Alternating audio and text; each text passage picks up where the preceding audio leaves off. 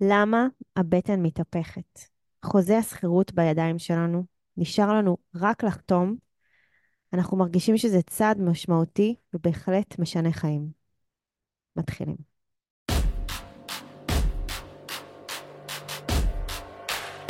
ברוכים הבאים למדברים השקעות עם עמית ואגר.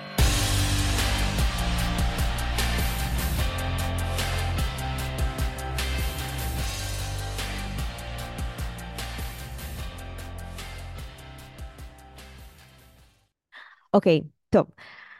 היום אנחנו מקליטים לכם פרק, אה, פרק מאוד מרגש. קיבלנו איזושהי הודעה ורצינו לפרק אותה יחד איתכם, כי הרגשנו שהטקסט הזה נכתב, כאילו אנחנו כתבנו אותו. אה, אני אקריא לכם אותו, אחר כך אנחנו נעשה סשן קצר של שאני ועמית מדברים על הנושא, ונשמח גם לשמוע תגובות שלכם ואיך אתם הרגשתם עם הפרק הזה, וכמובן שאם אתם רוצים לשתף אותו עם אחרים, אז אתם אה, מוזמנים. אז אה, זוג יקר כתב לנו, למה הבטן מתהפכת? כי להתנתק רגשית מבית זה לא דבר פשוט. בית מושלם שנוצרים בו כל כך הרבה חוויות וזיכרונות, שתוכנן למידותינו וגולם בתוכו הרבה מעבר למגורים וקורת גג. האם נצליח בעתיד להרגיש שוב בבית ולשחזר תחושה של לחזור הביתה? כי שכירות זה ארעי, ואנחנו מפחדים למצוא את עצמנו נאלצים לעבור דירה כל שנה כל שנתיים חונכנו שדמי שכירות זה כסף שהולך לפח. וואו. זה היה טקסט שקיבלנו ככה באמצע היום, שנינו... חשוב להגיד, זה זוג שאיתנו כבר איזשהו כמה שנים, נכון.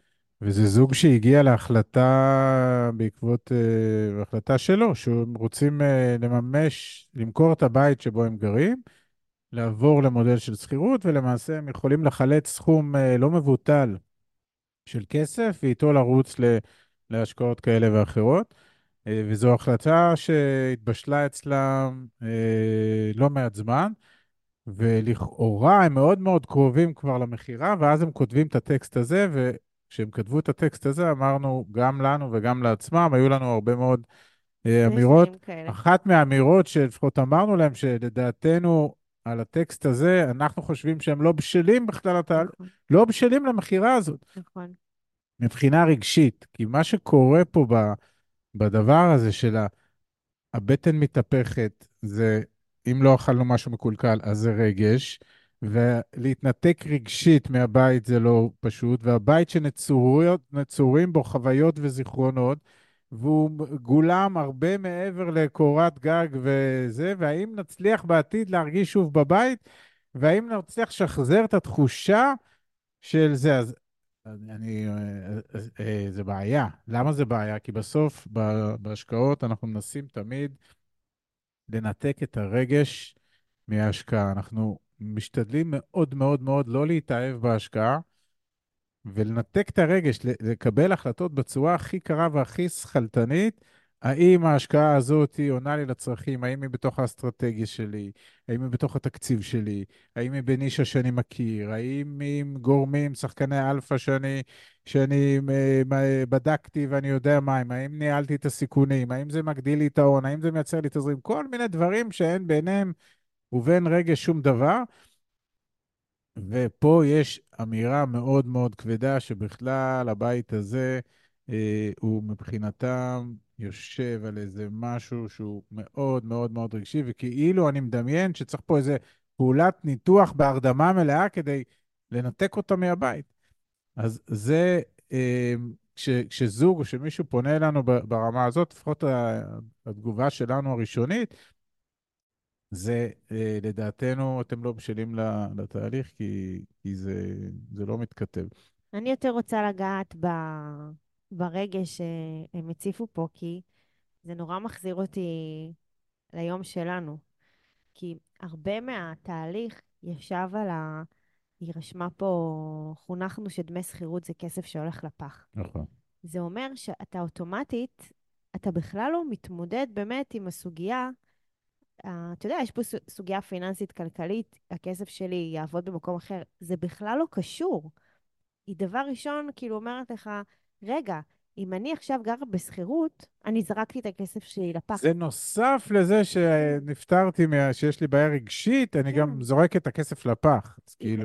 אתה מבטא לגמרי כן, את, ה, את המהלכים הפיננסיים, אתה כאילו, העתידיים. אתה, אתה בכלל לא מדבר על זה, אתה ישר נלחם בפחד, אתה נלחם בבורות, אתה נלחם בפרדיגמות, אתה נלחם בכל הדברים האלה ששמעת שלא משחררים אותך ו, ומלחיצים אותך, ואז אתה ישר אומר, אתה למה לא?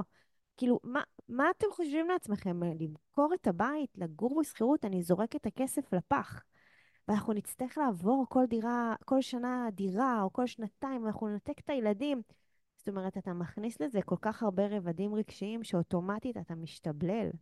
עכשיו, אני אומרת, באמת, הצעד הזה של למכור את הבית בבעלותך, זה צעד גדול, זה צעד מאוד משמעותי, כי בגלל כל הפרדיגמות שחונכנו עליהן וכזה. אנחנו, במקרה שלנו, החלטנו שזה מה שאנחנו עושים, נקודה. אף אחד לא יכל להזיז אותנו מזה, והכנסנו אבל את כל השיקולים. זאת אומרת, פירקנו את זה. מה יהיה אם נצטרך לעבור דירה כל שנה, כל שנתיים? לדעתי עברנו מאז שמכרנו את הבית. שתי דירות. לא, שלושה, שלושה שתיים, בתים. שתיים, שניים, שניים. שתי בת, שני בתים? כן, שני בתים. אחד, אז- שתיים, שלוש. לא? בנימינה, בנימינה? עברנו בין שניים לשלושה בתים. ו... והילדים הסתדרו במסגרות. ואם, ואם אנחנו צריכים להסיע ילדים ממקום למקום, אנחנו מסיעים ילדים ממקום למקום. הם לא נותקו מהחברים שלהם אה, בשום צורה. יש להם קורת גג. אני אפילו ראיתי משהו דווקא מאוד נחמד, כי כל פעם שעברנו בית, אז התאמנו מח, מחדש את החדרים לגילאים של, ה, נכון. של הילדים, ודווקא הם ראו בזה משהו, אה, משהו דווקא מרגש וכיפי, ובאמת הכל בסוף תלוי איך אתה משווק את זה קדימה, ואיזה שיעורי בית אתה עושה לעצמך. והתחושה הזאת של לחזור הביתה, אני לא יכולה להתווכח עם התחושה הזו, כי בסוף, מה זה לחזור הביתה? הביתה זה איפה שאתה אתה קובע, איפה הביתה הזה. יכול להיות בכל מקום. אמ, אני, אני הייתי גם נוגע פה בסיפור שלפחות לנו עזר לקבל את ההחלטה, למכור את הבית, וזה מתנגש בפרדיגמות ומה פתאום וכל זה. בסוף אנחנו שאלנו את עצמנו את השאלה, למה יצאנו לדרך? למה אנחנו רוצים לייצר לעצמנו עוד כסף חוץ משתי המשכורות? ופה אני לא אחזור על הסיפור שלנו, כי בטח מכירים, כל אחד עם הסיפור שלו. למה אותו זוג הגיע להבנה שאם הוא יהפוך את החמישה מיליון שקל שעכשיו הם בצורת בית לחמישה מיליון שקל שאפשר להשקיע, שייצרו הכנסות לחיים החדשים, למה הזוג הזה הגיע למסקנה? כי מסיבותיו הוא. רק כנראה שהסיבות האלה, או שהן לא מספיק חזקות אצלו, או שהוא לא באמת מאמין בדבר הזה, שזה אפשרי.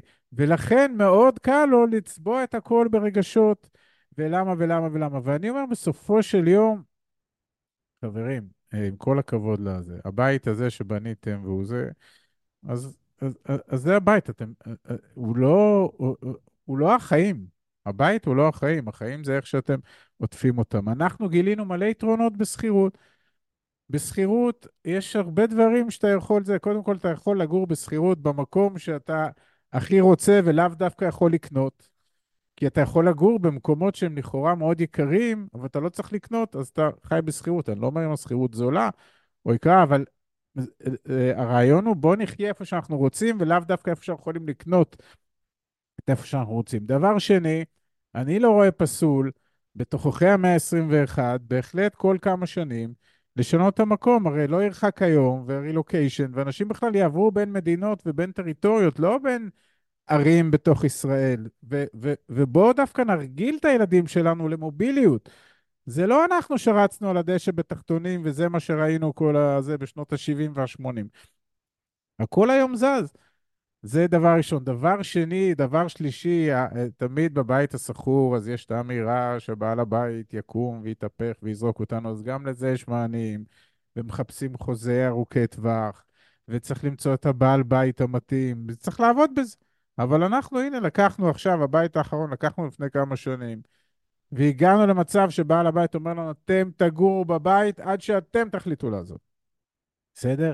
זה לא קל למצוא כזה, ואני מודע לכל הדברים, אבל לכל בעיה אה, של, של, של אה, מבחינה טכנית, איך מסתדרים בבית שכור, יש פתרון. אני גם מזכיר שבעולם המערבי, באירופה, בגרמניה, רוב האוכלוסייה גרה בשכירות. בארצות הברית, מתוך ה-330 מיליון, יש 100 מיליון איש שגרים בשכירות. אוקיי? זה לא הגנום היהודי שהדביק אותנו לבית ולהאחז בבלטות, שלא יבוא הצורר התורן. אגב, ראינו שגם כשבא הצורר, זה כבר לא מעניין אותו אם אתה גר בבעלות או בשכירות. בסדר? אז יש פה הרבה דברים לנתק, ושוב אני אומר, יש פה שני מפלסים, מפלס הרגש שמתחבר עם מפלס. הפחדים של אוקיי, הנה עכשיו פתאום מימשתי את הבית ויש לי את הכסף, אימא'לה, מה אני עושה איתו? איפה אני משקיע אותו? אפשר להפסיד כסף בהשקעות, אה, לאן הולכים, איך הולכים, מה זה, ואז שזה, שזה פחדים שהם הם, הם מצוינים. מאוד מאוד מאוד לגיטימיים. תאר לך שמישהו היה עושה את זה בלי הפחדים. לא, לא, בסדר, בגלל זה הפחדים חייבים לגרום לתהליך למידה. זה אומר תהליך... שאם אתם כאילו אומרים את הדברים האלה של התחושה, והאם נצליח בעתיד להרגיש שוב בבית, ואם אנחנו זורקים את הכסף לפח, אתם צריכים לשבת מול סעיף-סעיף ולנתח אותו ולהבין את המקור שלו, להבין את הפתרון שלו, לשים אותו בטבלה של הסיכונים למול הסיכויים, ואז להחליט אם זה מתאים לכם או לא, כי יכול להיות שאתם תשבו, אתם תשימו את כל הפרמטרים ותגידו, וואלה, זה לא אני, זה לא מתאים לי, אני אולי אמצא דרכים אחרות לגרום לכסף שלי לעבוד שלא מתוך למכור את הבית, אלא מכספים אחרים שאני יכול למצוא, שזה אחלה. כן, אבל אתם חייבים להביא את עצמכם לפחות לבדיקה של היתכנות. נכון. ו- וזה שוב חוזר ללמה. כי לצורך העניין, סתם אני אומר, אני לא יודע כמה הבית הזה שווה, אבל נגיד, ואם הם ימכרו אותו ויסגרו את המשכנתה, יישארו להם חמישה מיליון שקלים, ואת החמישה מיליון שקלים האלה הם uh, יוכלו להשקיע, ולא משנה, לא ניכנס פה להשקעות, אבל ההבנה שלהם שהם uh, uh, לא מוכנים לוותר על הבית, מצוין, אבל הם כן רוצים לעשות צעדים לשיפור מצבם הכלכלי, אז סבבה, אז תביאו את הכסף במקום אחר. נכון? אין לנו בעיה, תחזיקו את הבתים היקרים באהבה. אם יש לכם להביא את החמישה מיליון האלה, או שלושה מיליון, ארבעה מיליון במקום אחר, אז תביאו את זה ממקום אחר. אז זה סוגיה אחת. ובנוסף, אני אומר לאנשים שתקועים בשלב הזה, אפשר ל- ל- ללכת ולרקוד בשתי החתונות. אם לא בטוחים, או שחוששים נורא מהמהלך, או שהוא יושב על... באמת, יש פה דברים מאוד מאוד מאוד עמוקים, אבל כן רוצים לעשות מהלכים, אז אפשר למנף את הבית. אפשר להגדיל או לקחת הלוואה על חשבון הבית, לשעבד את הבית עד לכדי 50, לעתים 60 אחוז משווי הבית. ואם הבית הזה שווה 5 מיליון, אז לצורך העניין, באופן תיאורטי, וזה כמובן לא המלצה, ואני מסביר איך אפשר לעשות גם וגם. אפשר לקחת הלוואה של 2, 2.5 מיליון שקלים, להשקיע את הכסף הזה, לעשות שורה של מהלכים, לחיות עם הדבר הזה, לראות אם המודל מתאים, תוך כדי זה שאתה מחזיק את הבית. ואז אחרי שנה, שנתיים, שלוש, שגלגלתם את השניים, שניים וחצי מיליון שקלים האלה, אם המודל עושה שכל והבנתם את המשמעויות ואת הסיכויים ואת הסיכונים, אז בכל רגע נתון אפשר למכור את הבית ולשפוך את הכל פנימה. אם בשנתיים, שלוש האלה אתם רואים שזה לא בשבילכם, סבבה, תסיימו את, ההלווא, את, ההשקעות, תחזירו את ההלוואות האלה ותמשיכו לחיות בבית הזה שאתם נורא רוצים. זאת אומרת, אפשר לעשות מלא דברים. אני כן אומר, כשזה יושב על רגשות כל כך עמוקים, אז חייבים לחזור אחורה לשאלת הלמה. למה בכלל הגעתם לסיטואציה שרציתם למכור את הבית? ובכלל זה משהו מאוד יפה לעשות גם כזוג, גם במשפחה. אי אפשר להתעלם מהדברים האלה. אי אפשר להתעלם מכל ההיבט הכלכלי של משפחה במדינת ישראל. אסור, אוקיי? כי זה יביא אתכם, כאילו, תכלס, אני לא רואה מזה סוף טוב. אם אתה מתעלם, אם זה, אתה יודע, מהיום-יום, מההוצאות, מהבית בבעלות, כן סיימנו את המשכנתה, לא סיימנו את המשכנתה, הלוואות, אתם חייבים לשבת, להסתכל למספרים דרך העיניים שלכם ושל הילדים, אם יש, ולהבין איך אתם רוצים, אה, שאיך יראה היום שלכם. זה כאילו, זה... וגם מתוך הבנה שיוקר המחיה הולך רק, לציבור, רק לכיוון אחד. אין, נכון. אף אחד לא, אם תהיה אינפלציה והפלאפל יעלה מ-8 שקלים ל-10 שקלים, ואחרי זה האינפלציה תרד, המוכר פלאפל לא יוריד את זה חזרה ל-8, ב-10 זה יישאר. ולכן, וזה כמובן נכון לכל תחומי החיים, והחיים שלנו מאוד יקרים. נכון. אז, אז, אז מ- במקום לשבת ולהתלונן ולהגיד שכמה שיקר פה וכמה זה, אנחנו רוצים להעביר אתכם לאקשן, להיות ב doing, אוקיי? ובשביל להגיע לאקשן ולהיות ב doing, אתם חייבים לעשות עבודה. בסדר, אתם יכולים להיעזר בחומרים שיש לנו, אתם יכולים לשבת עם עצמכם ולדבר, אבל פשוט תנסו לנתח. אתם חייבים להעלות את הנושא הכלכלי הזה לסדר היום, כי זה חשוב, זה must. אנחנו תמיד אומרים, להשקיע זה לא פריבילגיה, זה חובה, ואתם חייבים לייצר לעצמכם עוד הכנסות ולהבין מאיפה, וכמובן, גם כל מה שאנחנו אומרים כאן, יש דברים שאנחנו אה, עשינו שמבוסס על הסיפור שלנו, על הכספים שלנו, עם דברים שאנחנו עשינו. אתם צריכים להרגיש בנוח, אתם צריכים להבין את כל האסטרטגיה, אוקיי? זה לא דבר שקמים בבוקר ועושים את זה ברגע אחד. יש כאן תהליך, יש כאן למידה, ובסוף גם יש תוצאה. אה, זהו, זה היה החלק הראשון. תודה לזוג הנפלא שכתב לנו. זוג מהמם. יש לנו עוד אה, שני חלקים שאנחנו נרצה לדבר עליהם בפרקים הבאים. אנחנו ממש נשמח לדעת איפה זה פגש אתכם, איך הרגשתם ששמעתם את זה, כי יכול להיות שעכשיו שמעתם את זה באוטו ואמרתם, אוי, זה בדיוק השיחה שהייתה לי בבוקר. זה אנחנו. זה מדבר אלינו, אז uh, אנחנו נשמח לשמוע. זהו, תודה רבה לכם. תודה.